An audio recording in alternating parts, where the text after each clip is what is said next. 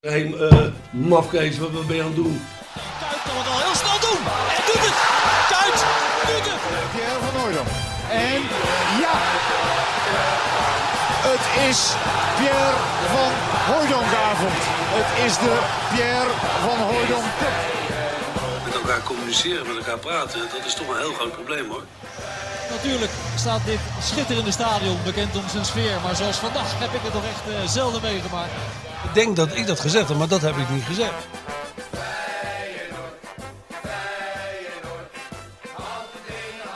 Dik voor elkaar, Feyenoord podcast, aflevering uh, 9. Het baken van hoop in, uh, in, in, moeilijke tijden. Doe ik dat goed zo of moet het eigenlijk met, eigenlijk met een nog meer, iets meer DJ-toontje? Nou, ja, je was wel iets origineler in het begin. Was je wel iets origineler, moet ik zeggen. Het is, de, de stem is wel goed. Een beetje grafstemming, maar dat, dat klopt wel bij het komende uur, denk ik. Maar moet er niet maar, meer DJ in? Moet ja, er niet, moet, ja? maar dan, kijk, het is nu nummer 9, zei jij? Ja, nummer 9 is het al. En je hebt die eerste mislukt, heb je ook meegeteld. Die was eigenlijk geen die proefopname. Nee, dat... die ze gewoon online hebben gegooid. Ja, die hebben ook, die tellen ook mee. Dat is eigenlijk ja. nummer 1. Dus het was een pilot, maar het was nummer 1. Dus volgende week bij 10, ja, laat ik het zeggen, ik verwacht wel iets van jou. Verwacht je een iets... iets uh, ja. Ik vind ook uh, dat, dat, dat de jingles in moeten. Ja, dat had al lang gemoet. Ik weet niet wat die Sjoerd zit te doen de hele dag hier met die koptelefoon op. Volgens mij zit hij stiekem naar die uh, Skieten Willy podcast te luisteren, terwijl hier wij, terwijl wij de hele boel aan het analyseren zijn. Zijn we al begonnen? Zijn live? Zijn live? Skieten Willy, uh, Willy 8. Belangrijke week voor PSV. Hè? Ja, dat, dat hoor ik jou iedere week zeggen. De kraker tegen Vitesse. Maar ik heb nog nooit een jingle gehoord. Nee, ja, ja, een hij doet flauw uh, wachtmuziekje, liftmuziekje. Ja. Maar daar is bij gebleven. Ja, als je in, in, in, in de wacht hangt, hangt bij de tandarts zo'n Ja. zo'n muziekje. Ja, nou, zo Ja, maar het is toch een ding. Kijk, hij doet, kijkt ja, dat is ook zo. Maar hij doet ons er een beetje bij. En dat is het hoogtepunt Ja. van de week is toch elke keer weer die, eh, die, die, Focus ligt op Eindhoven. die dat, She's Willy podcast. Hè? dat is duidelijk, ja. Niet waar, zegt hij. Nee, Nee, heb je één keer mogen figureren en eh, wij komen op plek twee.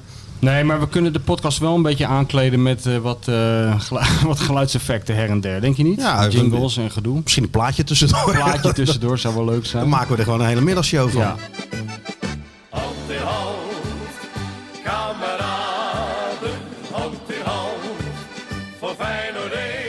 Dik voor elkaar. Dat was het niet, hè? Nee, nou ik wil eerst even bij jou weten, hoe was het in het vakantiepark? Vakantie, dat was wel dik voor elkaar. Dat was wel dik ja, dat was zeker wel dik voor elkaar. Dus jij een bent nog weg. 395.000 keer van die glijbaan gegaan nadat we elkaar de laatste keer spraken? Iets minder, maar eh, het komt wel in de buurt, het getal. En, en, en ook even zo vaak door, eh, door Duitsers in de rug aangevallen. Die met een noodgang.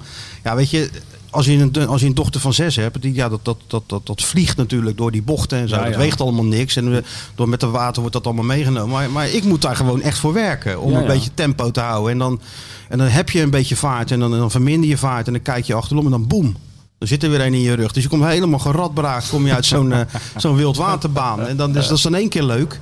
Ja, nog een keer, nog een keer. En dan nog een glijbaan. En je bent helemaal werkelijk afgepeigerd na, Ja, ja, twee ja, uur. Zijn van die tijdsloten natuurlijk nu door, de, Oh, ja. door dit gedoe.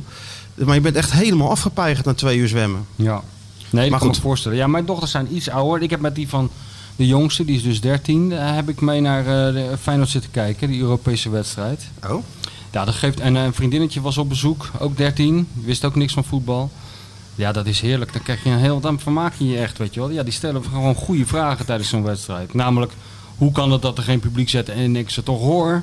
Hoe werkt dat dan? Et cetera. Wie kiest de kousen uit? Eh, bij de broekjes. Wat is dat lelijk, zo'n witte broek onder dat... Onder dat eh, ja, ja, nou dat soort dingen. Dus dan, dan vermaak je nog wel een beetje. ja, je komt dus, tot eh, andere inzichten natuurlijk. Ja, door die, dat, dat ze weet, ze weet. Ik heb haar wel eens meegenomen naar uh, Feyenoord. Dus ze is wel eh Feyenoord fan. Nou, ze is, ze is eigenlijk Gian fan. Ze is een hele grote fan van de familie Gian. Daar wil ze altijd op bezoek. Dit zijn hele Oh Ja, ja. lieve mensen. Ze heeft ook het shirt met Gian achterop.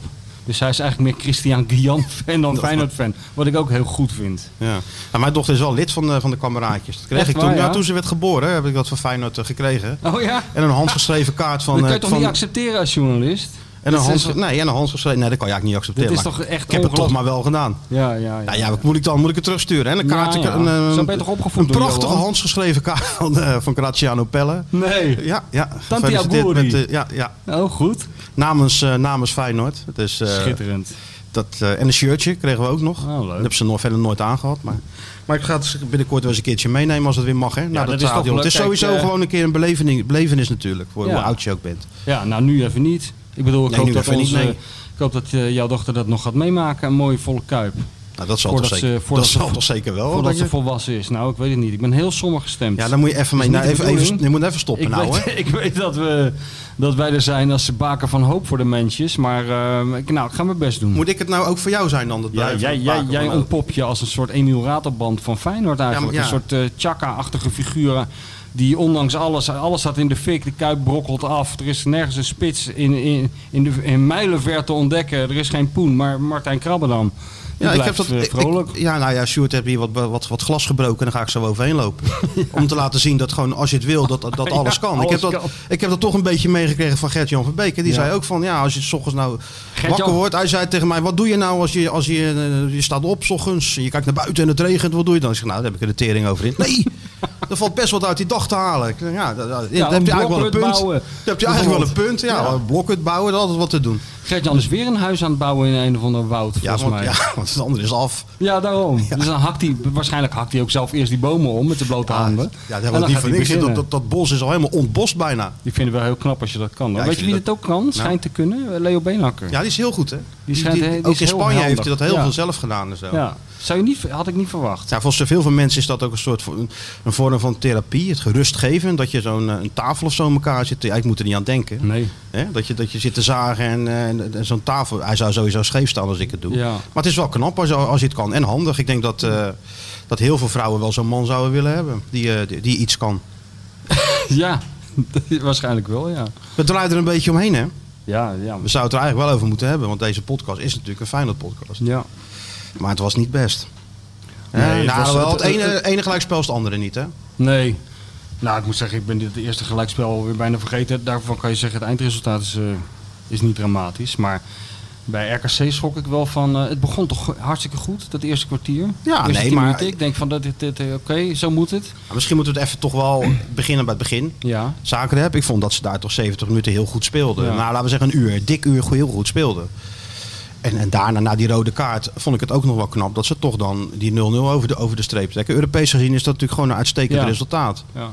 Ik weet niet wat, wat, want je hoort natuurlijk dan heel veel klachten. Ja, ze hadden daar moeten winnen en dit. Ja, eh, waarom? Ik bedoel, je mag gewoon je handen dichtknijpen als je daar gewoon Ja. eh, met, met 0-0 weggaat. Ook gezien de omstandigheden en hoe die wedstrijd zich verder, eh, verder ontwikkelt. Dat is gewoon knap gedaan van de ploeg die vorig jaar nog met 4-0 van eh, Atalanta won. En gewoon Champions League heeft, heeft gespeeld.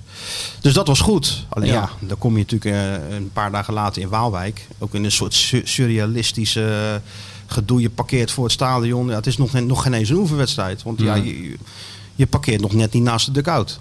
Je Ja. stapt uit, je bent het stadion in, je krijgt keurig een, een lunchzakje mee. Nou ja, en dan ga je daar zitten. En voor de wedstrijd praat je even met de trainers, want dat kan gewoon. Dat is Mm. toch helemaal niemand.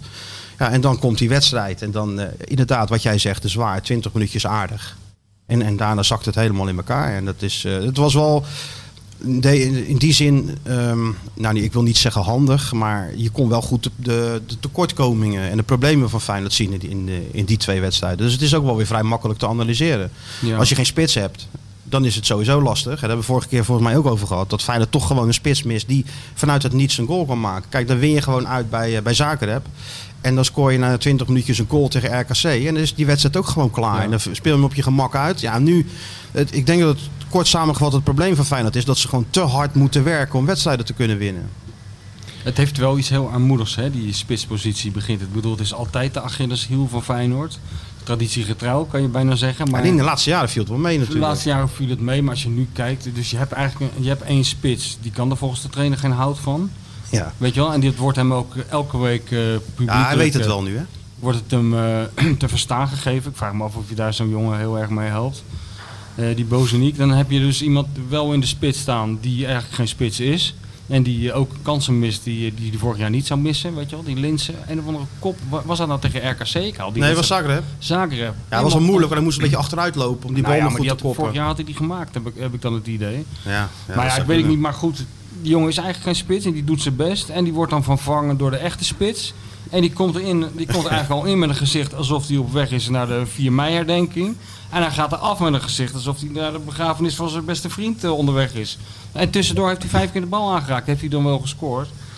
En eh, ja, dat, dat, dat was natuurlijk eigenlijk het meest trieste van, eh, van dat hele RKC-verhaal. Jurgensen, ik zat wel te denken, het is wel te hopen dat die mensen van Disney Dat hij nu, En die waren er hoor. dat hij op Jurgensen focussen. Ja, weet je wel. dat nog- begint ja, wel een verhaal je- te worden. Even, even een sidestep, want je moet nog oppassen ook natuurlijk. Je staat er met advocaten Kooi Pot te praten voor die wedstrijd. En ik had even met Kooi over, ook over eh, ja, de horeca, dat hij toch moeilijk heeft. En dat, eh, dat, dat- Wat hij daar nou ging Ja, doen. nou, dat Kooi toch ook wel gewoon moet oppassen natuurlijk. En met Feyenoord zit in die bubbel, dat je natuurlijk als, als, als, als medewerker, trainer, speler, kan je niet even overal mee- meer naartoe. Maar Nee. dat is toch, Koors hobby is toch gewoon om eventjes... eh, Onder de mensen. Zeg maar waar jij ook eh, eh, groot mee bent geworden om de horeca toch hier een beetje, een beetje levend en draaiend te houden. En dat Kooi doet dat dus ook. En die pakt min of meer dezelfde route, route als jij. Maar ja, dan staat er toch weer zo'n camera van Disney op, op een meter mee, mee te koekeloeren. Dus je Ja. moet nog oppassen wat je zegt. Ja, Voor hetzelfde ja. geld zegt zo'n koor van ja, die, die, die Jurgensen is altijd eh, ziek, zwak en misselijk en dit en dat. ja. Ja. Maar goed, Ja, nou ja. we zullen het wel zien. Daar mogen wij natuurlijk niet over klagen, want daar leven we zelf ook van, van dat soort eh, momenten. Maar, eh, Nee, ja, ik klaag er niet over. Maar Nee. kijk, mij maakt het ook niet uit. Maar voor die, eh, voor die ja, gasten moeten wel. Op een gegeven moment zijn het natuurlijk fly on the walls. Hè? Dan, dan Ja. vergeet je gewoon alles wat je zegt. ja, ja, nou ja, ik vraag me dus af eh, hoe, hoe ver ze dus mogen gaan hiermee. Ja, heel ver. Ja? Ja. Volgens mij vallen ze nog net niet in, want ze hebben allemaal een trainingspak aan. Ik Ja, denk als de, een, als, de een, als de een in de spits kan spelen, dan, dan sluit ik niet uit dat ik het overweeg. Ik sluit ook niet uit dat hij er 30 inschiet. maar, ehm, nou ja, goed, dat is wel interessant, zou een inter- interessante testcase zijn, weet je wel. Want zo'n Jurgensen, dat is natuurlijk wel een verhaal, dat voel je wel aan alles. Je ziet die worsteling eh, van die jongen. En dat in combinatie met de ingehouden frustratie van advocaat als hij erover spreekt. Ja, krijgt dan nog wel een hand dan, hè? Zo, nou, ja, maar dan- het is allemaal heel schoorvoetend. Hè? Ook dat hij zegt van hoe hij zich uitdrukt bij advocaat begint toch steeds interessanter te worden. Dat- Je, moet, moet dus toch een soort manier vinden om dat gedrag en zijn woorden een beetje te lezen, geloof ik. Als hij dan zegt, hij zei zoiets van ja, ik neem niet aan dat die jongen dat expres doet. Dat klinkt ook al een beetje neem van, ik ook niet aan, ja, dat hij er al een beetje aan twijfelde. En, ehm, en zo'n uitspraak zijn best wel harde uitspraken, hè? zeker in, in deze tijd. eh, Je bedoelt van, we hebben er sinds hebben het het begin van het jaar- seizoen niks aan gehad. we hebben het hele jaar niets aan gehad. Ja, Klopt hij- wel. hij- nou Klopt ja, wel. Ja, het klopt wel. Ja. Hij, hij had overigens net een doelpunt gemaakt voor je. Weet je wel, half, half uur eerder. Dus, dus ik kan niet helemaal zeggen dat hij helemaal niets heeft gedaan. Maar eh, natuurlijk klopt het. Maar ik vraag me af of dat... eh, kijk, deze generatie is toch een beetje, denk ik, sneller geraakt door... door eh, bepaalde woorden, bepaalde manier van eh, uitdrukken. En, en hoe advocaat zich uitdrukt, eh, dat is, dat, ik weet niet of iedereen daar zo goed... Of dat helpt, laat ik het er zo zijn natuurlijk hele studies op losgelaten. Generatie Z, en die moet je dan maar zo aanpakken. En als ze een gek hoedje opdoen, zoals Memphis. Ja. Dat, is gewoon, dat hoort er gewoon allemaal bij. Dan moet je. Maar ja, Dick is natuurlijk geen generatie Z. Nee. Hè? Nee, Zo, daarom die is Dick het- is gewoon dik. Die zegt gewoon wat hij denkt. En ook tegen, te- ook tegen die spelers. Daarom En- is het ook des te knapper dat er dan toch een bepaald eh, chemie lijkt te bestaan. Tussen eh, een, eh, de- een 73-jarige trainer en spelers van wie die de opa had kunnen zijn. Ja, zeker. En ik snap zijn onderliggende frustratie natuurlijk ook wel. Ja. Kijk, natuurlijk. wat dat betreft was eh, RKC Feyenoord ook natuurlijk een wedstrijd waarin het gelijk van Dick Advocaat werd bewezen. Iets waar hij al eh, aan, vanaf het begin eh, voor gewaarschuwd heeft. En waar wij hem op een gegeven moment een beetje om hebben, hebben uitgelachen. Dat eeuwige gemekker. Dat is niet geheel onterecht geble- Nee, gebleken. en, want, en, eh, maar, maar dan gaat hij dan toch niet zijn gelijk halen. Want dan zegt hij, ja, ik snap Feyenoord ook wel. Als hij Jurgens en de Boos en ik heb je al twee spitsen. Dus dan snap ik ook wel dat ze niet nog een derde halen. Terwijl, Hmm. die, terwijl jij verwachtte van dat hij nou gaat zeggen van... Nou, ik heb er toch altijd voor gewaarschuwd. Ja. En nou zien we wat het probleem is. Dus dat is ook wel weer eh, het aparte. Maar hoe kijk je nou naar Jurgensen? Ben jij dan eh, zo'n een, een, een type Nou. dat denkt van ik heb medelijden met zo'n jongen? Ja, ik had nou medelijden met hem, ja. Ik had nu medelijden met hem, omdat je... Ik bedoel... eh, Ja? Ja, ik had wel medelijden met hem. Omdat je zag zo de frustratie van iemand die door zijn eigen lichaam in de steek wordt eh, gelaten. En ik ga er ook vanuit dat, en dat, blijkt, dat is toch ook zo, dat hij er alles aan heeft gedaan op zijn manier. Ja, dat is, ja, dat zeker. Tenminste, Dus dat uit alle interviews blijkt van wel. Ja. Hij heeft natuurlijk wel, eh, daar hebben we natuurlijk wel vaak met hem over gehad. Nou ja, we hebben het vorige keer volgens mij al eh, helemaal opgelepeld wat hij allemaal heeft veranderd.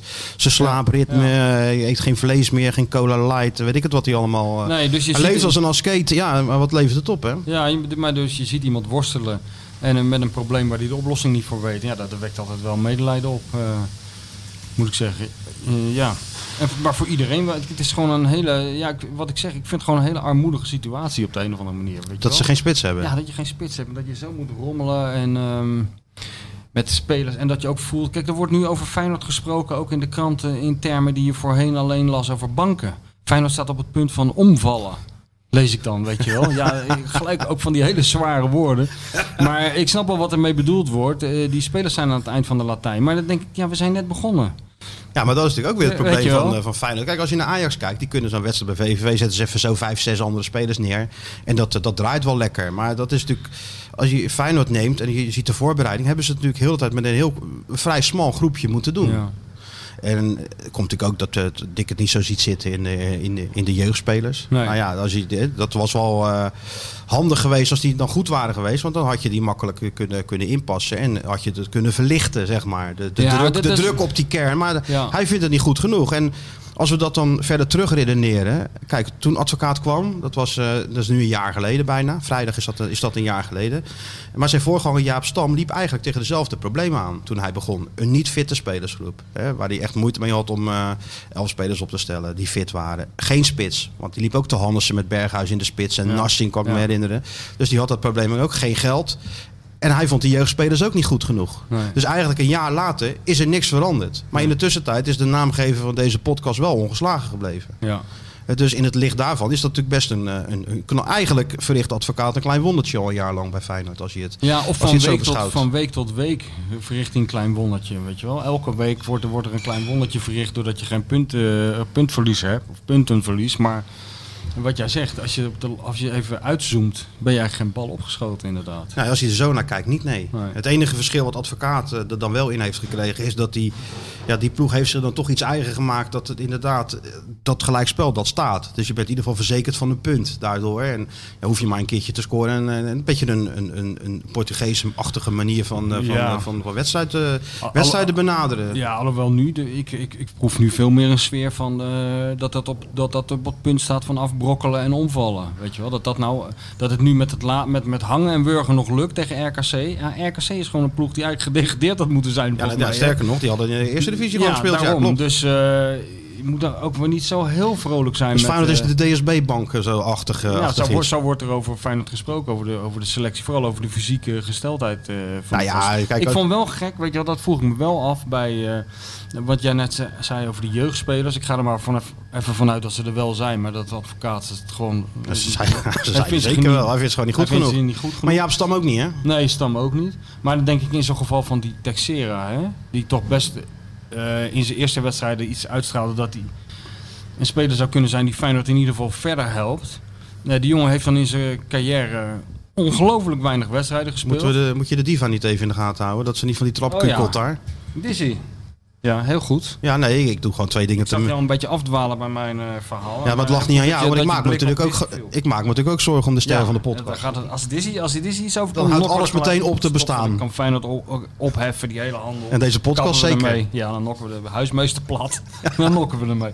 Nee, maar eh, ik vond wel gek bij Dexera. Dacht ik van die jongen. Ik schrok dus heel erg van eh, wat die Kees Kwakman eh, zei. Hoe weinig wedstrijden die uh, Texera eigenlijk had gespeeld. Ik, ik, wist dat, ik wist dat eigenlijk niet. Ik geloof 580 minuten verdeeld over 20 wedstrijden vorig jaar. Ja, niet te Ja, maar het is natuurlijk niet voor niks Nee, dat Feyenoord bij dat soort spelers terechtkomt. Ja, dat snap ik ook. Maar ik denk als je dan zo iemand hebt waarvan je weet dat hij, dat hij dus een, een, een loopbaan lang geblesseerd is. Moet je hem dan die drie wedstrijden laten spelen? Eh, of moet je dan toch zeggen van nou ja, dan zetten we maar gewoon een jeugdspeler neer. Gaan we van tevoren in de publiciteit zeggen dat die jongen eigenlijk niet kan afgaan. Dat het een, een, eh, soort noodze- noodverband is. Als die jongen het goed doet, heb je mazzel. Als hij het slecht doet, dan is het ingecalculeerd. Of kan je dat zo'n jeugdspeler niet aandoen? Nee, dat, ik, denk, ik denk dat laatste sowieso. En het gaat er gewoon niet gebeuren. Nee, maar je ziet het resultaat is dat die Texera gewoon binnen de Uit kortste voorzorg, ja, eh, ja. Nou, misschien hadden ze het ook wel gedaan. Eh, kijk, advocaat legt daarbij natuurlijk ook een bepaalde verantwoordelijkheid neer bij die spelers zelf. Die Ja. moeten aangeven, zijn ze fit? Nou ja, als je zo het geval van Texera niet helemaal fit bent, want die zag na een kwartiertje, liep hij al een beetje in die hamstring te knijpen. Dan wist je eigenlijk al wel, daar die gaat het niet, eh, niet, eh, niet lang volhouden. Maar dat gold natuurlijk ook wel voor, de, voor, de, voor meer spelers. Maar dat is wel de categorie spelers waar Feyenoord nu bij uitkomt. Ja, maar het is Kijk, toch de Texera? Spajic, Spajic, die doet het wel steeds beter, moet ik zeggen. Maar die had voor zijn debuut tegen Willem II zijn laatste volledige wedstrijd gespeeld in december 2019 bij Krasnodar. Ja, o- ja oké. nou, maar gelukkig merk je bij heeft hij de fysiek. eh, kennelijk waardoor hij in staat is om gewoon, ondanks, ondanks die voorbereiding. eh Dat is! Ondanks die voorbereiding eh, gewoon te gaan spelen. Ik merk wel dat, ik even iets in de microfoon. nee, maar ik merk wel dat, dat het wakker qua discipline, dat we voetballer had kunnen zijn, Dizzy. Dizzy, soort Willem van Hanegem is Dizzy. Dus die gaat volledig niet- de eigen gang. Gaat volledig de eigen gang met die kromme pootjes. Hè, Diz? Dizzy heeft sterk de indruk dat er beneden iets te halen valt. Oh, er is een andere hond beneden. Dat is het. Dat is het, ja. Dat maakt er een ongelooflijke onrustige podcast van. Ja, dat is toch... Dat... Sjoerd, doe jij er eens wat aan? Ja, Sjoerd, je bent ook dierentemmer. Ja, dag met die uh, koptelefoon opzetten kan iedereen. tutteraar, alles ben je. Nee, Ja. maar goed, dat is wel de, het, het, het, de, de categorie waar je in feite het moet zoeken. En dan heb je altijd spelers waar wat, eh, wat aan mankeert. Ja. Maar weet je wat ik ook, er- weet je wat ik ook erg vond, echt eh, teleurstellend vond? Eh, het spel van die Kukcu. Ik dacht van, dit is toch een moment waarop hij eh, misschien kan laten zien hè, wat hij kan. En eh, nou, dat deed hij niet. Beetje gelaten, hè? Heel gelaten. En Ja, hij werd ook gewisseld vanwege vermoeidheid. Ik dacht van, hoe kan dat? nou? Ja, of is dat niet zo? Ja, nee, weet ik niet waarom die, of dat Oh. vanwege, gemoeid, vanwege vermoeidheid was. Het is wel zo dat hij natuurlijk geblesseerd was, eh, was geraakt. Hmm. En, en daardoor ook bij, eh, bij Willem II niet, niet speelde. Wel met Turkije mee is geweest, daar ook niet heeft gespeeld. Ja, het heeft ook te maken met ritme en natuurlijk ook gewoon vorm. Dat is het natuurlijk ook. Kijk, Feyenoord, dat hebben we natuurlijk vaker gezegd. Als alles mee zit, als iedereen fit is en in vorm, dan is de ploeg gewoon om rekening mee te houden. En als dat nou eens tot mei zou kunnen duren, wat Ja. natuurlijk een utopie is, ja, dan kunnen Ja. ze meedoen om het, eh, om het kampioenschap. Maar je ziet het nu, als Berghuis uit, eh, uit, uit vorm is, Ja. is er meteen een heel groot probleem. Ja, En- ook omdat, omdat iedereen nu zo is gedrild, ge- heb ik het idee dat elke bal naar Berghuis Nou, moet. maar dat is wel een hele scherpe observatie, moet ik eerlijk zeggen. maar ja, dat is wel zo, ja. En dat is ook wel aardig, omdat je... Daar Als, verras ik jou mee. daar verras je me, ik ben he- helemaal van, van mijn apropos.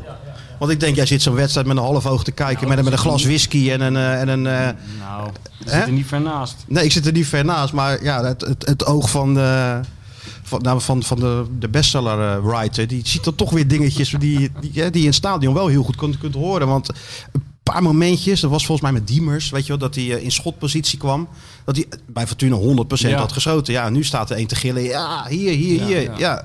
En dat is zo. Ik denk dat Berghuis zoveel status heeft, eh, overwicht. En dat misschien een aantal spelers ook wel echt op een of andere manier tegen hem opkijkt. Dat ze hem ook daadwerkelijk ook elke bal geven. Ja, ja. En dat is wel een punt van, eh, van aandacht. Hij wil alle ballen, krijgen, eh, alle, alle ballen hebben. Op zich is dat natuurlijk wel een goed teken. Want er zijn zat spelers, ja, die, die hebben hem liever niet.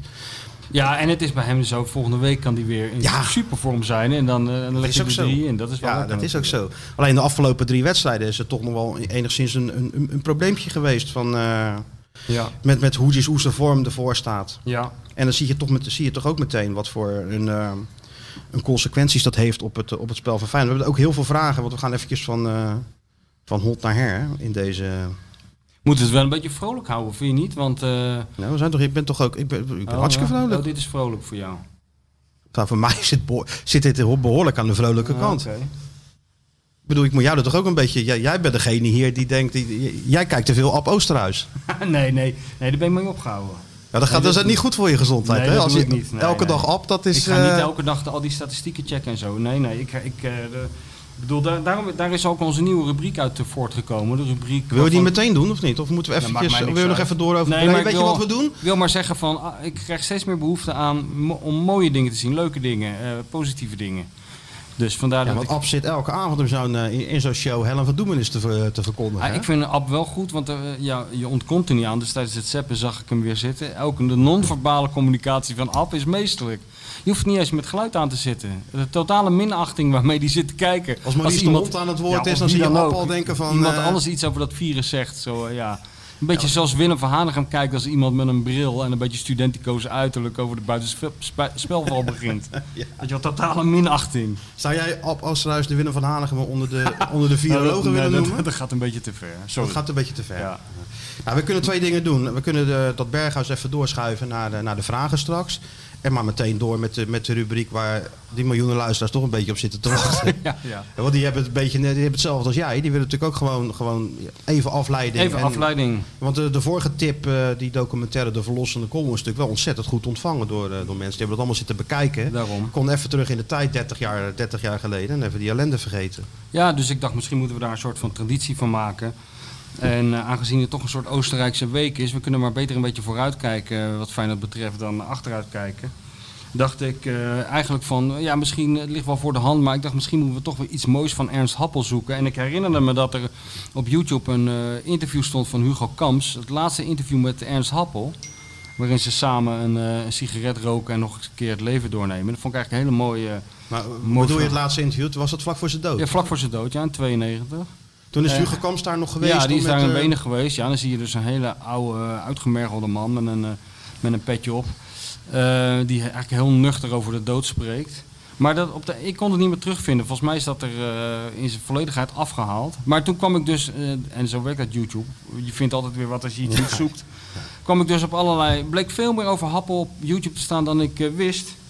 Eh, en ik dacht van ja, kijk, over die Feyenoordjaren, dat weten we nou allemaal wel, al die verhalen. Waarvan niemand weet of ze nou allemaal echt zijn gebeurd of niet. Maakt ook geen bal uit. Maar er staan dus hele mooie dingen ook op uit de buitenlandse jaren van Happel. Zijn tijd in Oostenrijk als voetballer, maar ook zijn tijd in Brugge als speler.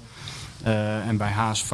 En eh, ja, dan kan je gewoon een hele dag, een hele middag of avond kan je daarmee doorbrengen. En dan val je van de ene verbazing in de andere.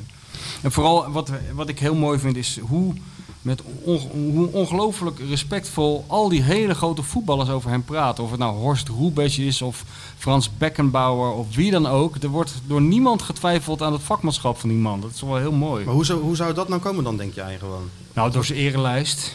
Dat is gewoon een van de meest succesvolle, of misschien wel de succesvolste trainer van Europa, volgens mij.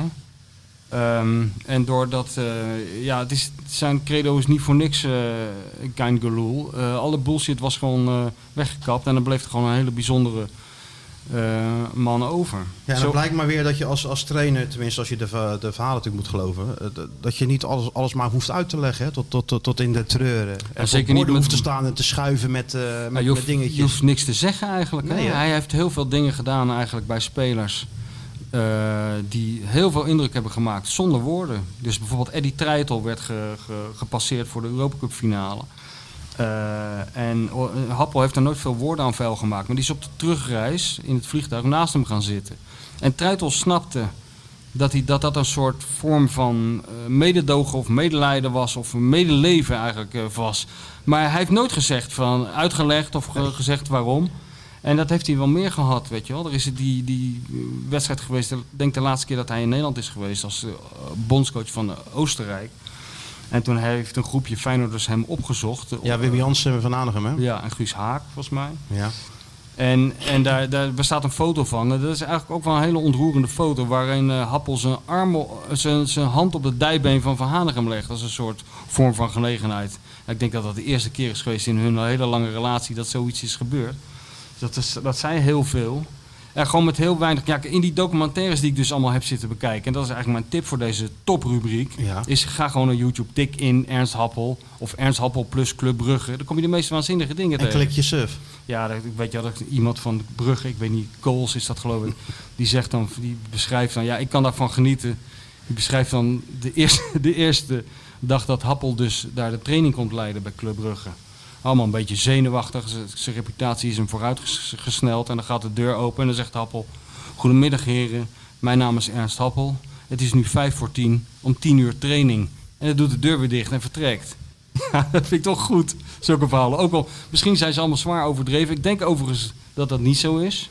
Wij hebben natuurlijk alle, samen eh, iemand gekend die er eigenlijk heel vaak bij is geweest, Rob Vente. Ja, die raakte er niet over uitgesproken, Rob. Nee, en terecht, dat snap ik ook. Een Nee, legendarische journalist. En die is overal bij geweest. En die heeft ons dat altijd bij leven, en daar ben ik heel dankbaar voor, tot in de treuren verteld. Hij, heeft, hij had altijd ook wel een beetje een mystieke, mystieke uitstraling. En dan zag je hem in zo'n bontjas, zag je hem dan. tuurlijk. En dan ging hij gewoon... eh want hij leefde volgens mij eh, vrij solitair, hè, dacht ik. Ja, in- in ja. Rotterdam. Hij ging gewoon naar de kroeg. Ja, het Rookte zijn, haantje. dat was het, een Belgisch Belgisch sigaret, sigaret, ja. sigaret met een borreltje. En verder was hij Kaarten. eigenlijk met vrijwel weinig, weinig met zijn contacten. Ja, geen, eh, nee, klopt. De mensen die hem echt goed gekend hebben, van vroeger in Oostenrijk en zo, ik heb dat allemaal wel voor verhalen natuurlijk in de loop der jaren uitgezocht. Eh, die zeggen dat het in, eh, in wezen een hele verlegen Ik man krijg nu was. toevallig telefoon van iemand die, die we gaan, we gaan we zo bellen in de... Frank? Je, je wordt gebeld door een, eh, door een collega nu van mij. Want eh, ja, je hebt nu, ik heb je nu op de mobiele telefoon, maar het gaat eventjes via, de, via een of andere hele moeilijke satellietverbinding. Kom je dan zeg maar tot ook eh, bij mijn collega hier. Dus dan hij, hij gaat je nu bellen. Ja? Vijf, vijf minuutjes. Ja, wij willen het wel even vol. We bellen je over vijf minuten. Yes? Alright. hoi, hoi. Ja, het is timing is alles natuurlijk. Dat was Frank Schinkels, die gaan we zo bellen in de, in de nu al vermaarde rubriek Ja, hallo met, eh, met Mario. En het grappige aan, eh, aan, aan, aan, aan Frank is dat hij natuurlijk die laatste dagen van Happel heeft meegemaakt. Hè? Ja. Die, hij was eh, genaturaliseerd tot Oostenrijker. En heeft met Happel gewerkt in die zin dat, dat hij gewoon bondscoach was. Dus die speelde natuurlijk die wedstrijd tegen Nederland en scoorde ook nog. Ja, scoorde hè, 2-2 Een of andere het, kopbal, ja. 3-2. Ja, 3-2 werd het. 3-2. Ja, Maar nee, dat- maar dat is altijd het mooiste als je het hoort van de mensen die... Kijk, ik kan het team allemaal wel zitten oplepelen over wat ik heb gezien op YouTube. Maar het mooiste is als je de mensen spreekt die erbij zijn geweest. En daarom eh, mis ik Rob Vente mis ik om allerlei redenen. Maar een van de redenen is die verhalen. Weet je. Rob is bijvoorbeeld meegeweest in 78. Dat, eh Dat toen WK Hap- bedoel je? Nou, toen Happel supervisor werd van het Ja, Nederlands de elftal. supervisor, hè? Ja, ja. Eh, en Zwartkruis officieel de bondscoach. Toen, toen had Johan Cruijff natuurlijk geweigerd om mee te gaan. En toen is een actie op touw gezet. Haal Cruijff over de streep en, Ja. eh, en allemaal toestanden. En Happel was verplicht, hoewel dat eigenlijk tegen zijn karakter in was... om een speler te gaan vragen. Was eigenlijk door de KVP verplicht om het in één keer officieel te vragen aan Cruijff... of hij nog wilde. En Vente heeft mij dat verteld, dat verhaal. Dus die is meegeweest naar, die is met Happel meegereisd naar Barcelona. En ze komen in dat Princesa Sofia hotel. Toen weet je al, wel. hè? Ja, toen Ja. eh, het, het epicentrum van alles wat met FC Barcelona te maken heeft. En Vente zei, eh, Happel zei van ga hier maar even zitten. Ik, eh, ik zal het zo even vragen. En ehm Vente zei, Happel ging aan de bar zitten. En die bestelde een koffie. Die ging in die koffie zitten roeren net zolang tot Johan Cruijff kwam. En Cruijff kwam binnen. En ze gaven elkaar een hand. En ze spraken een paar minuten met elkaar, een paar woorden. En toen kwam Happel terug. En toen zei Rob en? En toen zei Happel, nein, er wil niet. en dat was het.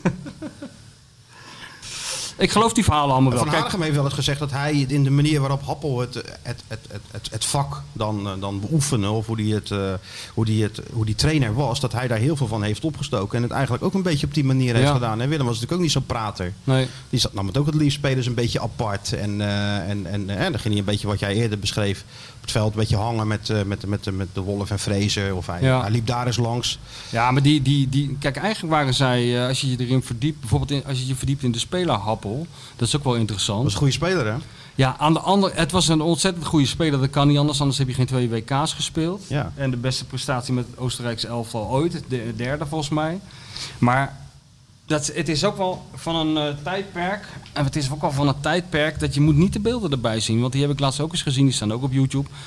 Ja, dan heb je het idee dat je naar je slow nou motion zit te hè? kijken. Ja, dat, ik weet het. Dat, is, maar dan, moet je natuurlijk, dat moet je ook niet tegen, tegen Willem zeggen. Nee, nee, nee, maar dat is toch een andere tijd weer, weet je wel. Ja, ik zou toch eventjes de diva toch deze kant weer ophalen. Feyenoord, Feyenoord AC Milan uit 1969, dat kan je Ja. nog met heel veel plezier kan je daar naar terugkijken. Want dat is nog gewoon heel modern voetbal. Maar als je Happel ziet in de 54 of 58, ja, dan heb je het idee dat het in slow motion wordt afge- afgespeeld. Maar hij heeft natuurlijk die traptechniek en zijn Ja, het legendarische... van de lat, van de lat toch? Dat is, het is wel een beetje de kopbal van Wim Kief tegen Ierland. Weet je wel, met Wim heb ik dat boek gemaakt. En wij zijn in de loop der jaren 10.000 mensen tegengekomen die allemaal zeiden... ik zat precies in de baan van dat schot, ik ben erbij geweest. Als je al die mensen moest geloven, dan hebben er 7 miljoen mensen in dat stadion in Gelsenkirchen gezeten. Dus dat flesje op die lat, dat, ik geloof wel dat het gebeurd is. Maar er zijn wel heel veel mensen die daar getuigen van zijn geweest. Maar ik, ik eh, geloof wel dat het werkt. Ik vind het ook interessant om te zien eh, in hoeverre advocaat eh, iets van Happel heeft. Want die heeft natuurlijk ook nog onder hem eh, Ja, ja, sterk. Ja, gewerkt zeker. bij, bij Den Haag. Die vond het sterker. Ja, die vindt het ook gewoon mooi dat die trainer bij Feyenoord. Die vindt het ook mooi. Kijk, Hoppel heeft het record, hè? Van een aantal wedstrijden ongeslagen als trainer van Feyenoord. Volgens mij 31 en advocaat zit nu op 20 wedstrijden volgens Oh, mij ja? ongeslagen. Ik dacht dat Bert van Marwijk was die dat record had. Of is het net een langzittende Langs, trainer? nee, Ja, Bert is ja, een dat is lang wat zittende anders, ja. trainer volgens Ja. mij. Vier jaar en Ook en een nog- kunst- nog ook een kunst bij deze zeker- club. Dat is zeker een kunst. Ja, dus daarna nog een jaar teruggekomen ook. Ja, Ja, dat is zeker een kunst. Nee, maar om even terug te komen op Happel en dat flesje van de lat. Van de lat schieten. Ik denk ook wel, er zit natuurlijk wel een, gro- een grote kern van waarheid in. Het, spelers als Van Hanegem en wie je ook allemaal had in die tijd. Die nemen dan toch gewoon wat meer van je aan als je het zelf ook kan. tuurlijk. Ja, zo werkt dat nou eenmaal. Ja, Ja? ja, tuurlijk. En dan heb je natuurlijk tegenwoordig heb je allerlei trainers die, eh, ja, nou goed, we kunnen het nog wel een keer benoemen, allemaal uitvinders en Willy Wortels en, en, en, en types ja, die zelf geen flesje van de lat kunnen schieten. Ja, maar dat is sowieso raar als je die tijden gaat vergelijken eh, op alle gebied. Kijk, als je nu kijkt wat er bij aan de hand is. Die blessuregolf. eh, de een wordt uit voorzorg eh, eruit gehaald. De ander wordt uit voorzorg niet opgesteld. Eh, er zijn 734.000 eh, medici eh, rond het elftal. Maar als je naar de statistiek... Kijk, ik ben me nou in de jaren 70 aan het verdiepen... omdat ik een boek maak over Johan Derksen. Hè? En, en zijn spelerscarrière, voor zover je daarvan kan spreken... die heeft zich afgespeeld ook in die tijd. Als je leest hoe hard het voetbal was... En als je ook met die mensen van toen spreekt, dat was gewoon honderd keer harder. Toch zie je in de statistieken dat Feyenoord vrijwel altijd in dezelfde opstelling speelde. Die speelde ook heel vaak drie keer in de week of twee keer in de week. Die hadden één dokter.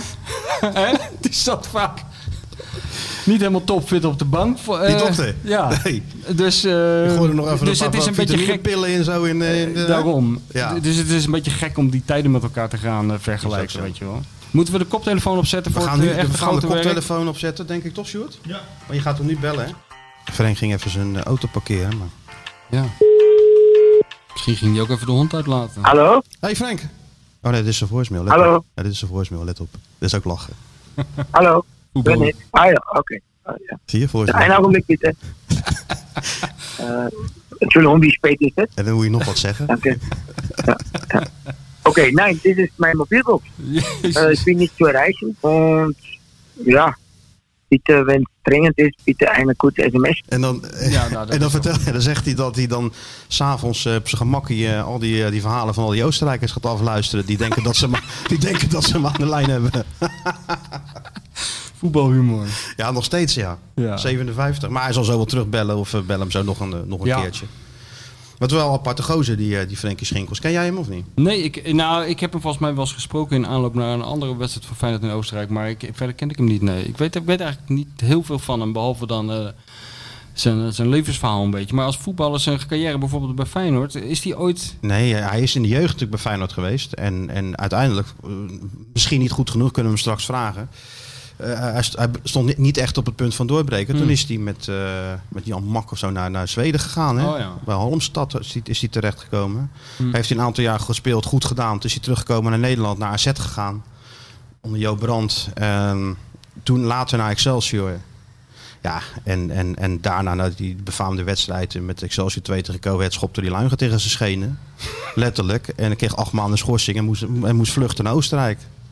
Maar ja, Pietje Bellen noemen ze hem. Was de beste vriend van Mario B. Nou ja, dan, dan weet je het wel. Die hebben samen natuurlijk de meeste, de meeste streken uitgehaald vroeger. Ja, maar die hebben nog op de lagere school gezeten. Ja, op de lagere elkaar, school gezeten. Ja, en als ze hun huiswerk niet hadden gedaan, dan lieten ze het, uh, het scheikundelokaal onder water lopen en dat soort gekkigheid ja, ja. allemaal. Ja.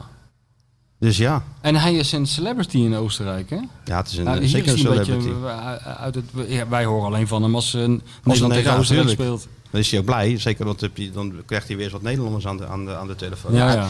En Oostenrijk is het een ja, celebrity. Dancing, uh, Dancing with Stars heeft hij, uh, heeft hij gedaan. Dus hij gaat nu Andere. even straks, als hij opneemt, uh, gaat hij de, de, tegenstander analyseren voor ons. Hij volgt het allemaal nog daar. Hij weet precies uh, wat Feyenoord uh, treft met Wolfsberg AC. Of we het daarover gaan spreken, weten we niet. We hebben natuurlijk honderd en een andere dingen. Zijn liefde over Feyenoord is ook nog wel, uh, wel, wel aardig. Ja, natuurlijk. Ja, maar het interesseert geen, geen bal verder, weet je wel. Dat Wolfsberg AC. Nee. We hebben geloof ik een stadion met 7000 mensen. Ja, maar er is toch niemand. Dus al hebben ze honderdduizend mensen. Nee, dat ook ja. Wat maakt het uit? Maar dan moeten natuurlijk ook wel een beetje de mensen in beeld geven... wat ze donderdag kunnen verwachten van, nou. van, de, van deze Oostenrijkse tegenstander. Of zeg jij, laat maar. Ja, wou jij dat allemaal nog de mensen uh, wijsmaken dat wij nog iets kunnen voorspellen hoe het zich gaat nee, uh, ontwikkelen op het veld? Niks, tegenwoordig valt niks meer te voorspellen. Oh, daar gaat Oh. nu wel over. Nou, dit is echt luisterplezier voor de podcast. Hoor je me nu? Ik hoor je zeker, Frank. Ja, nou gaat het goed. Hoe is nou het? het goed? Goed.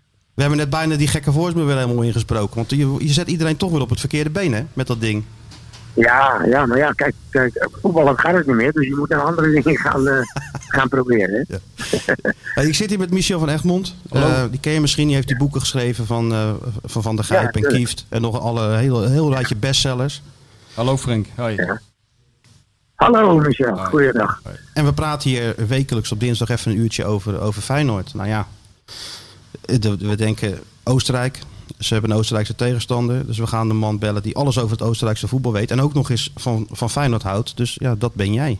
Want je, om even te beginnen, je bent uit de annalen geschrapt van, van Austria Wien, hè? Vertelde je gisteren. Vanwege Feyenoord. Ja, ik, was, uh, ik ben bij uh, Austria Wien natuurlijk heb ik gespeeld, twee jaar. En ik heb, ben bij Wien Austria ook trainer geweest, uh, cheftrainer. Daar heb ik ja, de dubbel gewonnen. En ook een keer gewonnen, zo'n beker in 2,5 jaar heb ik ook die uh, UEFA Cup uh, kwalificatie uh, gemaakt tegen Legia Warschau. jammer genoeg Champions League niet. En tegen Benfica zijn we uitgeschakeld. Maar ja, nu, nu heb ik een keer gezegd dat ik geen Australien fan ben. Gewoon fan. Want mijn mijn is eh Feyenoord. Nou, dat, eh, dat was hier ineens een beetje een oproer en, eh, en ongelooflijk. En, eh, broer, en dit. Ik zei, ja, ik zeg, maar ik ben in Rotterdam geboren. Eh, en ik, ik heb één club waar ik verhaal en dat is Feyenoord. Kijk, ik, kan niet, ik, ben, niet, ik ben niet een nagemaakte die elke week eh, op een ander shirtje gaat zitten lopen kussen. Daar heb ik helemaal geen zin in. ik heb gewoon het rood-wit in mijn hart en dat blijft ook zo. En ja, dat was ook bij de begrafenis, dat heb ik je gisteren gezegd, van mijn Ja. vader. Daar wordt Towers gespeeld. Ik ga toch ook niet eh, een, een Mozart-lied eh, spelen, omdat ik nou in Oostenrijk ben. Dus ik heb gewoon een Lied Towers met You Never Walk Alone. Nou, er zaten, eh, er zaten 200 mensen te huilen. Nou ja, en, eh, is toch mooi. Gelukkig voorbij. Feyenoord, als je het eenmaal bent, gaat het er niet meer uit, hè, Frank? Feyenoorder. Nee, maar eh, kijk, ik ben Rotterdammer, ik ben Hollander, maar ik ben Rotterdammer en, eh en Feyenoord eh, op Zuid, dat is, eh, ja, daar heb ik gespeeld. En, en eh, ik, ik vind Sparta een hele mooie club. Ik, ik heb ook bij Excelsior gespeeld. Maar ja, bij Excelsior, met, die- kan je natuurlijk niet veel gaan beginnen. Hè. Die heeft niet zoveel traditie zoals Feyenoord. En eh, ja, als je toch bij Feyenoord gespeeld dat is toch een hele eer geweest voor mij. Ik acht jaar eh, met Mario Peen en met die jongens. En ik was toen met, met, met Benny Wijnstekers in die tijd. Weet je, daar was ik in het C-team. En die jongens waren de eerste, daar keek ik tegenop. Hè. Dat waren, ja, dat waren verketters. Dat waren prachtige spelers. Nou, daar, daar, daar praat ik niet eens over Van Hanegem, en Wim Jansen en uh, Eddie Treitels en eh, hoe, hoe ze allemaal heten. Nou, fantastisch. Nee, dat, dat gaat niet uit mijn hart. En dat wil ik ook niet. Hoe lang heb je nou... eh, hoe oud was je nou toen je naar Zweden ging dan? Uit die, eh, uit die, uit die opleiding van Feyenoord. Hoe oud was je toen? Eh, z- 16,5, 17, bijna 17. Ja. En, en ging je Dus weg- ik, was. ik- Oh, sorry, maar Ja. ging, ging, ging je weg om, omdat je het idee had, er is geen toekomst meer eh, voor mij bij Feyenoord? Of had je, had je een kans in Zweden? Nou, het was, het was natuurlijk, eh, kijk, ik was eh linksback, links, links middenvelder en ik, eh, ik was nog niet de grootste vroeger. Ik ben nou ook nog niet zo groot hoor. En, eh, en, en ik had ook, ik was enig kind, ik had veel familiaire problemen. Ik heb ook een boek hier geschreven, waar er ook, zijn er ook in Oostenrijk 14.000 van verkocht, dat was mooi. Die, die nakte, die waarheid, hè? Die nakte waarheid, toch? Ja, precies. Precies, en dat heb ik ook hier geschreven. Kijk, mijn moeder was zwa- zwaar ziek. Hè? Kijk, als je, met, eh, als je 13 jaar bent eh, en je moeder, wordt, eh, je moeder is in een psychiatrie ja, acht maanden. Of ze wordt s'avonds, wordt komt de politie om vier uur s'nachts en die brengt je moeder naar huis. want als ze met een nachtjapon uh, loopt te winkelen of te door het slaan, ja, dan schiet het allemaal niet op als, als jeugdspeler. Hè? Nee. Dus ik heb met, met moeilijkheden geknokt. Dat weet niet iedereen, zeg ik maar. Dat wisten veel mensen wel bij Feyenoord. Eh, en daarvoor hadden ze ook eh, heel veel eh, respect voor mij en voor mijn vader. Maar ja, daar ben ik dan weer weggegaan. Ik ben eigenlijk dan een beetje ook gevlucht. Ja. Mhm. Oké, en ehm, ja goed, uiteindelijk ben je terug, in Nederland gekomen. Iedereen, eh, iedereen kent het verhaal van, eh, van, van Luinger. Dat is ook de reden dat je uiteindelijk in, eh, in, in Oostenrijk terecht bent, eh, bent gekomen. En ook maar meteen bent, bent gebleven. En voordat we naar de Oostenrijkse tegenstander gaan, willen we toch even terug nog naar die interland dat je toen met, met Oostenrijk in Nederland hebt gespeeld in de baan, het in Sittard. Omdat we het daar net hebben over hebben gehad. Want jij werkte toen met een man, ja, de, de befaamde trainer ook hier, natuurlijk vooral hier in Nederland, Ernst Happel. Hè? Wat, wat staat jou nou nog van hem bij? Ja, fantastisch. Dat wil je niet weten. Die, eh, alle andere mensen, ook, zeg maar, de, normaal sterfelijke mens, hè, zeggen wij hier in Oostenrijk, die was al dood. Maar hij heeft nog een paar maanden geknopt en geleefd. En ze hebben hem eh, volgepompt met, met weet ik wat, dat hij op de been was. En hij was trainen. Eh, en toen heb ik ook die Wim van Hanegem en die Wim Jansen die hem toe kwamen bezoeken in. Die heb ik, die heb ik met tranen in de ogen gezien. Want dat was Ernst Happel niet meer. Dat was niet die, die, die coole eh, Ernst Happel, die, fantastische, sterke man, weet je wel. Eh, met, met grote spreuken. En ja, ik, we hebben hem, wij hebben hem toen elke week, elke dag hebben we zien aftakelen.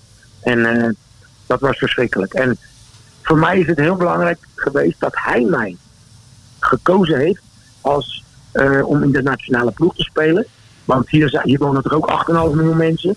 En dat was voor mij een hele grote eer. Want ik ben natuurlijk ook niet eh, zo fijn weggegaan van Holland naar eh, Oostenrijk. Ik ben er niet trots op dat ik die Luinke toen een schop gaf in Deventer. Maar het is natuurlijk wel ook wel belangrijk dat niet een of andere koekenbakker je dan nomineert om in de nationale ploeg te komen. Maar wel in Stadveld. En ook Herbert Prohaska. Dat is eh, de 100 voetballer hier. Ja. Dus daarmee ben ik eigenlijk een beetje gerehabiliteerd. Ja, en eh, heb ik dat toch terug kunnen knokken dat ik eh, ja, in Holland toch niet een grote klootzak ben, maar een klein.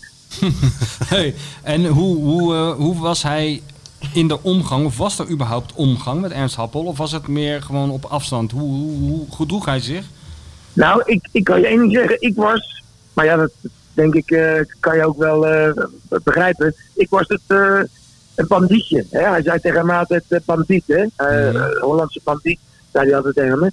En, en ik, ik kon ook met hem anders, ik kon een dolletje maken. Want ik zei ook tegen hem, ik zeg, hé hey, trainer, ik zeg, die, die, die baas van het haantje, weet je, hij zat altijd op de kaarten toen ik bij Feyenoord was, bij het haantje. Ik zeg, die heeft me opgebeld. Ik zeg, je hebt nog schulden staan, man. Ah, dus dus hij, hij, kon niet, hij kon niet veel meer, maar toen kreeg hij altijd zo'n zo'n beetje zo'n zo'n smoezem. Dat hij dacht, maar je bent een kleraar, weet je wel. Ja, ja. Maar, maar die anderen, maar die anderen, die hadden allemaal eh gescheurde knieën. Want die liepen op de knieën als, als hij wat zei. Dan, dan kropen ze naar hem toe. Dus die, hadden, die moest je elke, elke tweede week een nieuwe broek geven. Die. Ja. Maar, maar ik zeg je, maar dat, dat is natuurlijk echt, en dat me, ik, ik, een beetje op, op een eh, eh, leukere manier, maar heel veel discipline, heel veel respect. Dat is ongelooflijk. En hier zaten toch Herzog, Polster, Ogris. Zo, er zaten toch, eh, ja, hier Oostenrijkse hè, Ja. die eh, nationale. Maar dus ondanks het feit dat hij, dat hij eh, want ik heb die beelden daarvan gezien en hij, hij weegt geloof ik nog amper 60 kilo. hij is een groot deel van zijn haar kwijt, et cetera. Hij, lijkt wel gekrompen. Maar jij zegt ondanks dat had hij toch nog die uitstraling waardoor mensen bijna op de knieën voor hem gingen. Dat, dat bleef gehandhaafd, die uitstraling. Ja, het is, het is ongelooflijk. Jij zegt 60 kilo, nou dat was nog in een goede fase. Hij, hij, hij ging toen naar de 50 kilo, man. En Het is ongelooflijk. Hij had deze trainingsjas aan, weet je wel. En dan stond hij op, het veld. En dan had hij wel zijn fluit in zijn mond. Maar geloof me, hij stond, hij stond ja, ik moet het nog met, met een beetje, beetje leuker vertellen.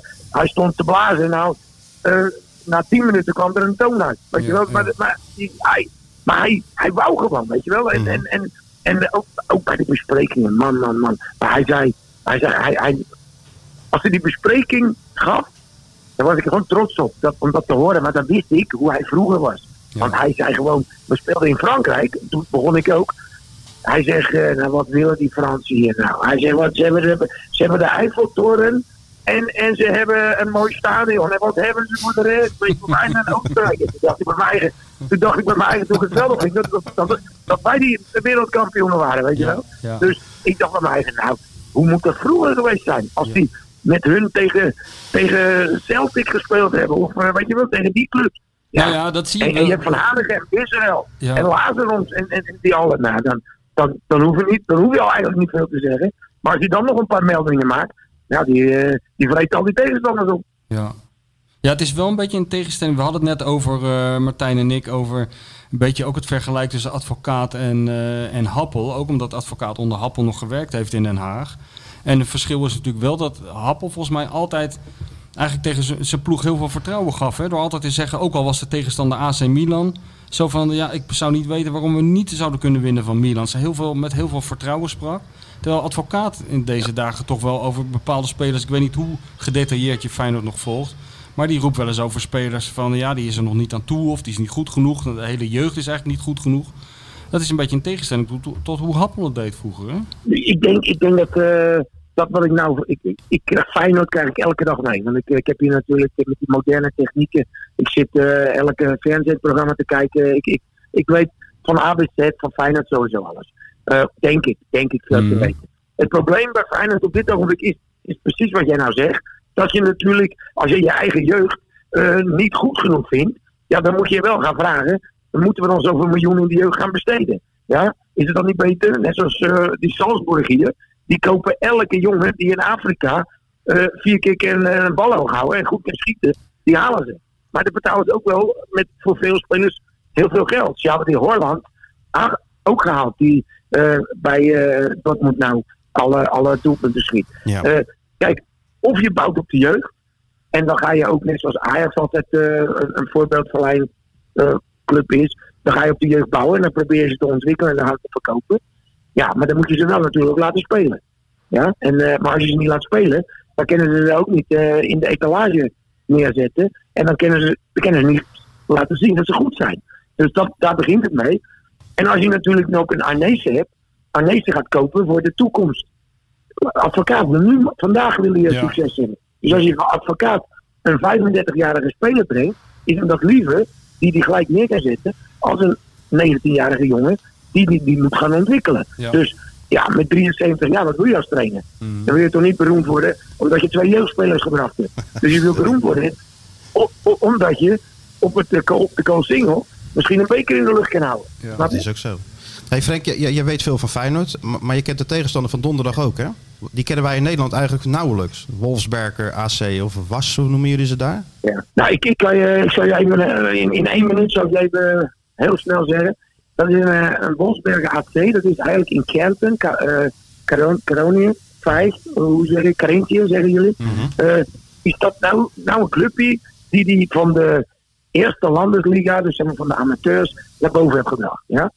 Nu, ik was vroeger sportdirect en trainer bij die grote club in Kärnten, Carinthië. Die zijn, die zijn opgedoekt, die zijn, omdat de Jurk Heidentamers gestorven is. En nu is dit, dit de grote club.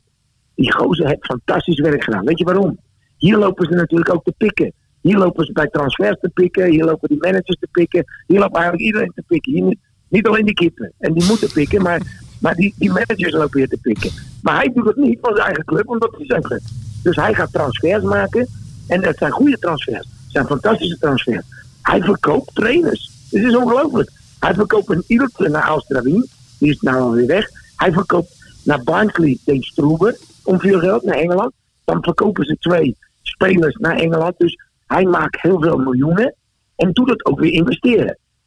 Maar nou komt het. We hebben ze verleden jaar een fantastische eh, job gemaakt. Heel goed gespeeld. Ze zijn derde geworden. Maar wat gebeurt er? Nou, zijn een paar spelers weer weg. Wijsman, dat was de, de spits. Die heeft geloof ik 27 goals gemaakt. Een Israëliër. Fantastische speler. Nu gaat hij ineens, maar die komen allemaal om, om. Of eh, die gaat hij huren en dan gaat hij ze beter maken en dan verkopen. Maar nu heeft hij een Vinsinger gekocht. Een Sloveense spits een miljoen. Ik heb het Mario Been al gezegd eh, vanochtend. Je moet ongeveer dat zo rekenen dat jullie kopen een spits om 20 miljoen. En WAC heten ze, WAC Wolfsberg, kopen een spits om een miljoen. Dat is ongeveer hetzelfde. En, en nu loopt het niet. Ze hebben vier keer verloren in de competitie, één keer gewonnen. En ze staan, ze staan tiende. En de twaalfde gaan naar beneden. Dus het is nou ineens een hele verkeerde wereld hier. Dus nou is het eh, alarm, alarm, alarm. Nou is die president afgelopen zaterdag op het veld opgestormd. Die scheidsrechter gescholden, zijn te- die tegenstander gescholden omdat ze in de 93 minuten verloren hebben met een eh, penalty. Dus je, je merkt heel veel nervositeit. Oké, dus eh, dat- daar zou Feyenoord wel van kunnen profiteren. Ja, eh, ik- maar ik weet natuurlijk dat de Feyenoord ook nu eh, eh, veel spelers geblesseerd zijn. Eh, dan zijn eh, eh, ja, drie keer gelijk gespeeld. Dan is Berghuis eh, misschien eh, ver van, van zijn eh supervorm is, hè, want die heb je nodig. Dus bij Feyenoord is natuurlijk alles ook niet, eh rent ook niet op pilletjes. Hè? Dat is zo. Ze schijnen goed in standaard situaties te zijn, hè? Even kort, dat, dat, dat, dat Ja. Wolfsberg. Ja, fantastisch. Maar, maar ze hebben, de beste speler is 34. Dat is die Lindel. Die heeft vroeger nog bij Twente even gespeeld. Ehm, en dat is de man om, waarom het alles draait. Maar kijk, ze spelen gewoon op hem. Hè, die jongen die is gewoon... Ik geef je een vergelijk met Koeman met Messi. Koeman is een arme trainer. Koeman die doet wel eh, groot nou. Maar als die Messi, als, als, als Barcelona de bal verliest, dan gaat die, loopt die Messi te wandelen. Begrijp je? En, en die kan niet omschakelen, die kan niet pressen, die kan niet druk zetten. Nou, dat is Lindel ook. Lindel is natuurlijk een andere speler natuurlijk, maar, maar, maar je beste speler kan je niet een systeem gaan, op gaan zadelen dat hij niet kan. Dus Nee. hun, hun zijn wel lopers, omdat hij goed kan pasen.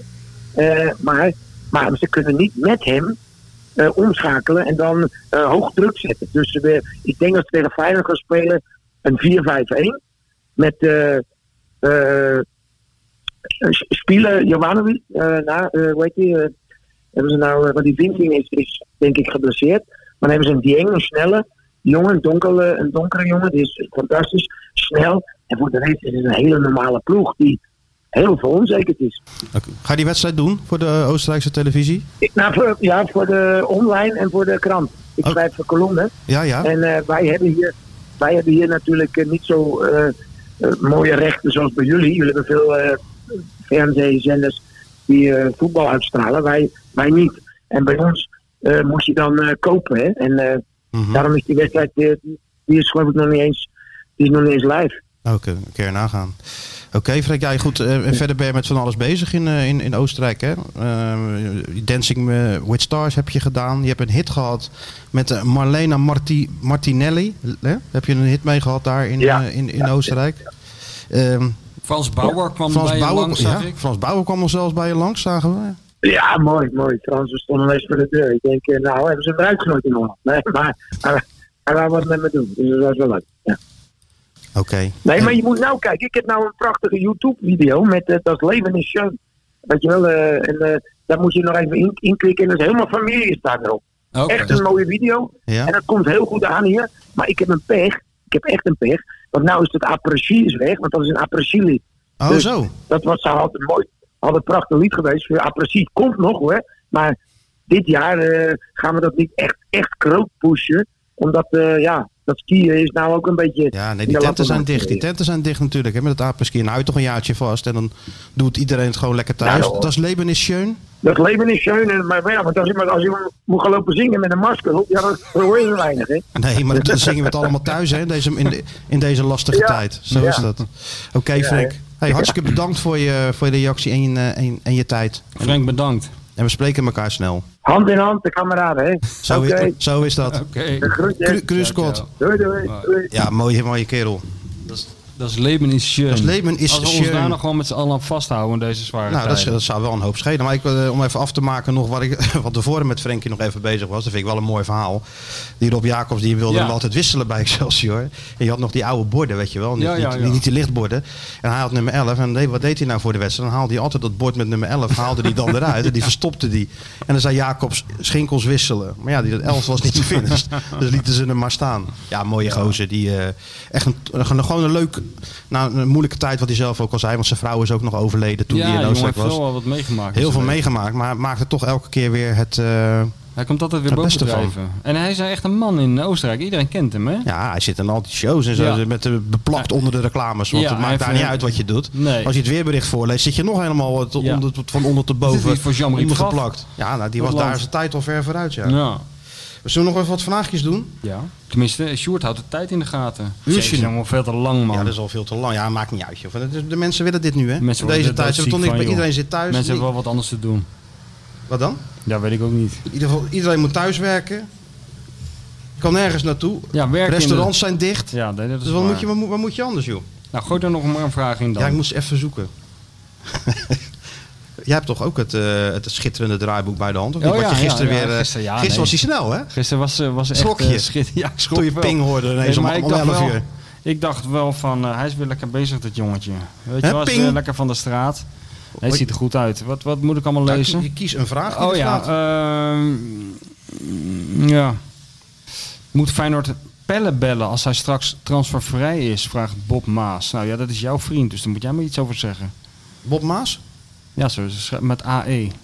Oh, die heeft de vraag gesteld. Ja, Ja, die heeft een nee, vraag. bellen. Ja, nou, ja, goed. Pellen, bellen. Ze kunnen bellen wat ze willen natuurlijk. Maar jij moet niet- bellen. Jij bent, jij bent zo'n vertrouwensman en eh, biograaf. En eh Feyenoord moet niet bellen. Ja, nou, dat- dat- de, de- relatie is wel eens wat warmer geweest tussen Pelle en mij. Toen ik Ah. had, ja, want ik had het boekje toch eh, met hem gemaakt en we waren vrienden voor het leven. Maar ja, toen schopte hij de koud bij Twente in Barros. En toen ging hij naar, eh, stuurde Koeman hem als straf op vakantie naar Marrakesh. En dan stuurde hij fotootjes dat hij aan het zwembad lag naar die, die spelers in Nederland. Dus ik had zo'n stukje getikt van Koeman strafpellen met vakantie. met zonvakantie. Ja. Nou, toen was de liefde eventjes over. Tot Oh. ik hem dan twee jaar later tegenkom tijdens het EK in, eh, in, in Frankrijk. En toen was het wel weer eh, omarming en Amici. omhelzen. En eh, ja, je weet hoe het, Ciao, hoe het ciao, gaat. ciao, ciao. Je weet hoe het gaat met de Italianen. Dan was hij weer zijn beste vriend. Maar ik denk dat het geen zin heeft om, om bellen te gaan bellen. Het rijmt nog ook, want die zal zijn carrière, als hij het al afsluit, nou in China, zou hij dat misschien bij Letje willen doen natuurlijk. Hè? De ploeg waar die, eh, waar die ooit is begonnen. Ja, maar goed, ik snap, supporters willen zich overal aan vasthouden in deze tijd. Dus elke ex-spits die, die transfervrij is of het eh, dreigt te worden, die, eh, die staat op de verlanglijst Ja, natuurlijk. die, Maar staat, die staat op de dat veranglijst. is dus ja. niet eh, realistisch. Kan je meer vertellen over de plannen voor corona, vraagt Mark. Ja, de plannen voor corona van Feyenoord, dat is op zich nog wel aardig. Want het, is, het was natuurlijk weer ouderwets sappelen deze, deze window. Met zijn spelers die ze uit de transferroom haalden, Spajic of voor een klein bedragje Teixeira. Eh, Terwijl de meent natuurlijk ook weer aan... Ja, mensen hebben misschien de indruk dat wij al drie kwartier met z'n tweeën onder de douche staan samen. Ja. Maar de, dat geluid, dat is eigenlijk meer een of andere man met een heel ingewikkeld apparaat op de meent. Die gewoon onze podcast aan het verstoren is. Hij Sjoerd steentjes, al, s- steentjes legt hij vast Steentjes daarmee of legt zo. hij vast. Ja, hij is een kabel aan het aanleggen. Sjoerd heeft hem al bestraffend toegesproken. Ja, dat, heeft heel veel, dat heeft lekker veel indruk gemaakt ook. Maar misschien Maar heeft, hij dat eh, gewoon door, heeft hij dat ook in het Brabants gedaan. Want hij heeft het niet begrepen, die man. Maar daarvoor waren de plannen wel wat groter. Hè? Feyenoord eh, dacht geld in kast te kunnen hebben om, eh om te halen. ehm, om, om Veerman te halen van, eh, van Heerenveen. Ehm, ja, dat, dat zijn natuurlijk namen. Daar zijn ze natuurlijk achter, achter uiteindelijk niet meer bij terechtgekomen. Omdat corona alles door de war gooide. Ja. Dat geld was al nodig om de club gewoon of de mensen in dienst te houden. En elke wedstrijd die nu wordt gespeeld in de Kuip, die kost alleen maar geld. De, ko- de inkomsten die komen niet en de, en de kosten draaien door. Dus ja, dat heeft bij Feyenoord wel in die zin veel veranderd. Dat ze nou in de categorie Linse Diemers terecht kwamen. Hè. Er is Ja. ook niks mis mee in die zin dat ze daarmee wel het vertrek van elf spelers hebben opgevangen die zijn weggegaan. Ja. Dus in de breedte moest Feyenoord ook nog wel sterk genoeg blijven om, om, om die wedstrijden te kunnen spelen. Alleen we hebben nu gezien dat dat wel een, eh, nu al een flinke knauw, eh, knauw oploopt. Stond er nog wat over Berghuis? Een vraag? Ja. Hij gaat weer uit, hè, je telefoon. Ja, ja, dat gaat allemaal vanzelf. Even kijken over Berghuis. Ja, eh, Johan Hendricks die vraagt... waarom loopt onze aanvoerder er zo onges- ongeïnspireerd bij de laatste wedstrijden? Nou, is dat zo? Is die ongeïnspireerd? Nou ja, ongeïnteresseerd. Ongeïnspireerd. Ongeïnspireerd. Hij, heeft gewoon, hij is een beetje uit vorm. ja. Het is wel apart, hè? Want bij Oranje een paar weken geleden was het de man die het Nederlandse voetbal ineens moest redden. Ja. Na, na, die, eh, na, die, na die wedstrijd Ja. tegen, tegen Bosnië, toen hij goed inviel en voor gevaar zorg, eh, zorg stichtte. En iedereen vond maar tegen Italië moet Berghuis spelen. Ja, de boer deed het niet en ze pakte daar gewoon een punt. Speelde niet eens onaardig. En sinds hij terug is van Oranje is het, eh, is het een stuk minder met, met zijn vorm. Drie wedstrijden op rij. Nu al niet goed. Eh, wat jij net eerder al eh, terecht opmerkte, wil hij elke bal hebben. Ook als het misschien niet zo, eh, niet zo handig is. Ja, misschien speelt het ook wel mee dat de afgelopen zomer die transfer niet is doorgegaan. Hè? Eh, Dat hij Inter Miami was geïnteresseerd, maar dat was een lastig verhaal door de, al die regelgeving daar in Amerika. Hmm. Maar vanuit Italië kwamen berichten dat AS Roma hem wilde hebben. Dus ik heb dat even gecheckt en dat blijkt inderdaad zo te zijn. Ja. Ze zijn Hmm. echt best wel ver geweest zelfs. Oh. Roma die wilde hem hebben. Die wilde dat gokje van 8 miljoen wel nemen. Berghuis zelf zag het ook zitten en heeft, had zich al eh, verdiept in, eh, in de club. Ja. Alleen het probleem was dat Roma zelf een speler moest verkopen. En zonder, eh, zonder, eh, als dat niet lukte, konden ze niks doen. Hm. Ja, dat is niet gelukt. Dus, eh, dus die deal is niet doorgegaan. Maar je weet natuurlijk niet hoe dat nou in, in januari gaat. Hè? Misschien voelt hij daar ook wel een beetje de druk van. Hè? Dat hij denkt, als ik weg wil, moet, moet, moet ik het toch laten zien. Ja, ja. En dat het dan even niet lukt. Maar we kennen Berghuis. Het hoeft maar met één bal voor zijn linkervoet die dan in de kruising schiet. En, en het, het, het, het is er weer. Dus Ja. ik geloof niet dat we ons daar nou al te veel Nee, nou, voor zorgen om moeten Nee, maken. sterker nog, hij is de enige man aan wie we ons kunnen vasthouden. Ons, zeg ik, maar... eh, Zeg jij nou wij, ons? als, eh, wij als eh, watchers, zou ik dan maar zeggen. Toch? Dit Ja, is toch ja, ja, van wie ja. Alhoewel, om toch een lichtpuntje te noemen, was Haps natuurlijk wel best wel indrukwekkend tegen RKC. Zeker zijn de energie die die jongen erin legt. Ik bedoel, dat vond ik wel lekker hoor. Hij, even als tegenwicht voor, voor, voor dat hangende hoofd van Jurgensen vond ik het wel fijn hoe Haps zijn doelpunt vierde en hoe hij eh, maar bleef gaan langs die kant. Ja. Dat is wel lekker toch? Het doelpuntje met rechts binnengeschoten. Is altijd fit. Dat is ook lekker voor die jongen. want die is hij natuurlijk is ook, eigenlijk ook wel het voorbeeld gewoon van hoe fijn dat er weer uit kan komen. Hij is gewoon fit, hij is energiek, hij, is- hij stopt er heel veel energie in. Hij is ook bereid om eh, te lopen als het eh, heel weinig zin heeft. Maar eh, weet je wel, ik vond het Absoluut. wel lekker om naar te kijken. En wat, wat Haps ook heeft, en dat viel me vorig jaar in die wedstrijd tegen Ajax wel op, dat hij wel een speler is die tenminste van zich afbijt. Ja, Dus hij kan echt slecht tegen Hij zijn verlies. daar stond het karakter. 4-0 bij rust. En iedereen liet het maar zo'n beetje gebeuren. Maar die Haps die zette toch, eh Ja. die tackelde nog wel eens een keertje over de bal heen, weet je wel. Van Ja, ja. tot hier en niet verder. En het is ook niet voor niks dat hij in Europa best wel een goede naam heeft. Want vorig jaar zomer was het al zo dat de meeste interesse was, was er voor Haps. Hebben ze niet laten gaan. En toen raakte hij ook geblesseerd, geloof ik. Dus het was ook een onhandige tijd. Maar het is een speler die er internationaal redelijk goed op staat. En daar is het wel opvallend dat, eh, dat ze nou die Sinkgraven bij Oranje halen. Die bij, bij Leverkusen gewoon, eh, gewoon speelt. En dat, dat Haps, die het nu toch wekelijks laat zien, dat hij dat hij niet eens in de voorselectie zit. het is wel jammer dat Gerard Cox geen column meer heeft. Moeten we hem even die, had hier, die had hier toch onze wel even raad, Moken, onze bondscoach Mokum had hij waarschijnlijk genoemd, toch? Of zo? die had hier wel raad mee geweten. Ja? Ja. Hij had het over Mokum had hij het altijd, hè? Ja, onze vriend uit Mokum. En eh, dat hij eh, nooit en over het parool. eh, dat niemand voorbij de overtomen wist wat het parool was en zo. wat natuurlijk ook zo is. Ja, dan gaan we Gerard binnenkort maar weer eens even Ja, we kunnen bellen. misschien nog wel een keer bellen, ja, als we een goede aanleiding hebben. Ja, of sowieso gewoon. Ja. Voor de rubriek nu even niet. Ja. Wat vind Nee, jij, voor wat de vind jij er rubriek, nou ja, van Gerard? mooi. En dan eh, laten we het bandje meelopen. Ja, ja, ja. We hebben nog één prijsje weg te geven. Oh ja? Ja, we hebben een, een nieuwe special uitgebracht. Dat is eh, met, met, met, met deze man op de voorkant. Je kent hem wel. Pelé. Pelé, ja. Eh, de, de magie van de tien. Hè, een ode aan de kunstenaars en de scheppers van het pure voetbal. Heb jij zeker niet verzonnen, die titel? Die heb ik niet verzonnen, nee, Nee. die titel. Ik heb er ook niet eh, aan, meegewerkt? Nee, nee dat, maar dat kwam gewoon omdat het niet, eh, niet nodig was. Hmm. Omdat, eh, En staat Van Hanegem er niet in? Het gaat over nummer 10's. ik weet niet wie er... wie er Oh, ik je heb- leest het ook helemaal niet als je Ja, er maar ik zelf in alleen staat. dit. Ik heb, nee, ja, zeker wel. Maar Oh. ik heb alleen dit nu. Nou, om even aan te De kondigen dat hij in de winkel ligt. En dat hij Oh, ja. te koop is. En dat eigenlijk iedereen hem in deze tijd even moet aanschaffen. Nummer 10, dat waren toch de spelers waarvoor je ging kijken. Nou, zeker. Dus ik heb gevraagd aan, het is de, eigenlijk een domme vraag, wie nou de beste speler was van Feyenoord in dat shirt. Nou ja, Ja, dat is natuurlijk maar één. dat is er maar één, ja. Willem. Een paar persjes nog een keer genoemd. Laston, Kidetti. Maar ja, wie Van Hanegem heeft zien spelen, kan, niet, kan natuurlijk niet anders zeggen dan dat, eh, dat hij het is. Dus we gaan even zo'n eh, zo'n magazine weggeven. En hoe gaan we dat dan doen? heb Nou, je daar een heel protocol Ik voor heb, bedacht? nee hoor, ik heb hier gewoon alle reacties eronder. En als Stuart even een nummertje zegt, dan dat nummer krijgt hem. Zijn er wel vier? Ja, er zijn er wel vier, ja. nou, ja, nou, nummer vier. Hoe kom, kom je nou weer bij vier? ja, hij mag het toch zeggen. ja, mag het nou? zeggen. 1, 2, 3. Is hij? Dit is, Wie is het? Nou, nu dit is Ramon Steven LDS. Dat is wel een goede Twitternaam. LDS met een foto van Maradona, maar die is het net niet geworden. Robert Roodzand. En die heeft natuurlijk ook gewoon eh, van Hanegem heeft er nog Oh, een ja. filmpje van geplaatst. Dus dat denk ik dat het wel eh, goed terecht komt. Dus Robert Roodzand zal ook een berichtje sturen. En als hij luistert, kan hij dat ook eh, mij een DM'tje sturen. En dan gaan we zorgen dat, dat, het, dat die special die, eh, zijn kant uitgaat.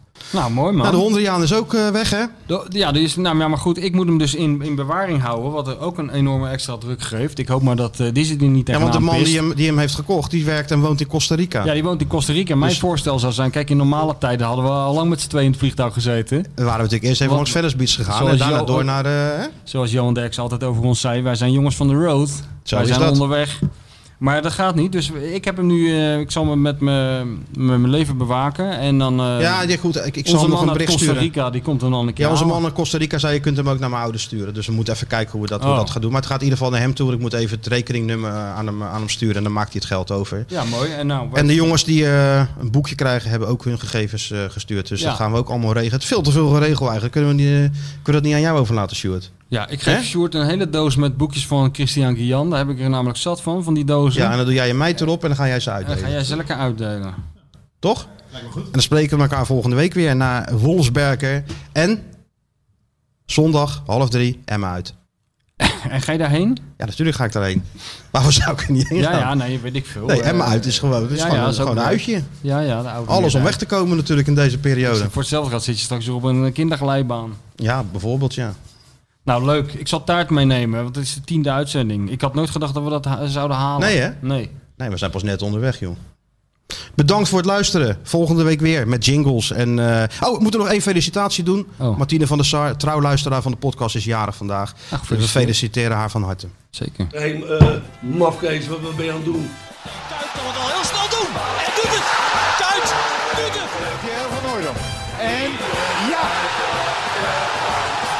Is Pierre van Hooydonkavond. Het is de Pierre van Hooydonk Cup. Met elkaar communiceren, met elkaar praten, dat is toch een heel groot probleem hoor.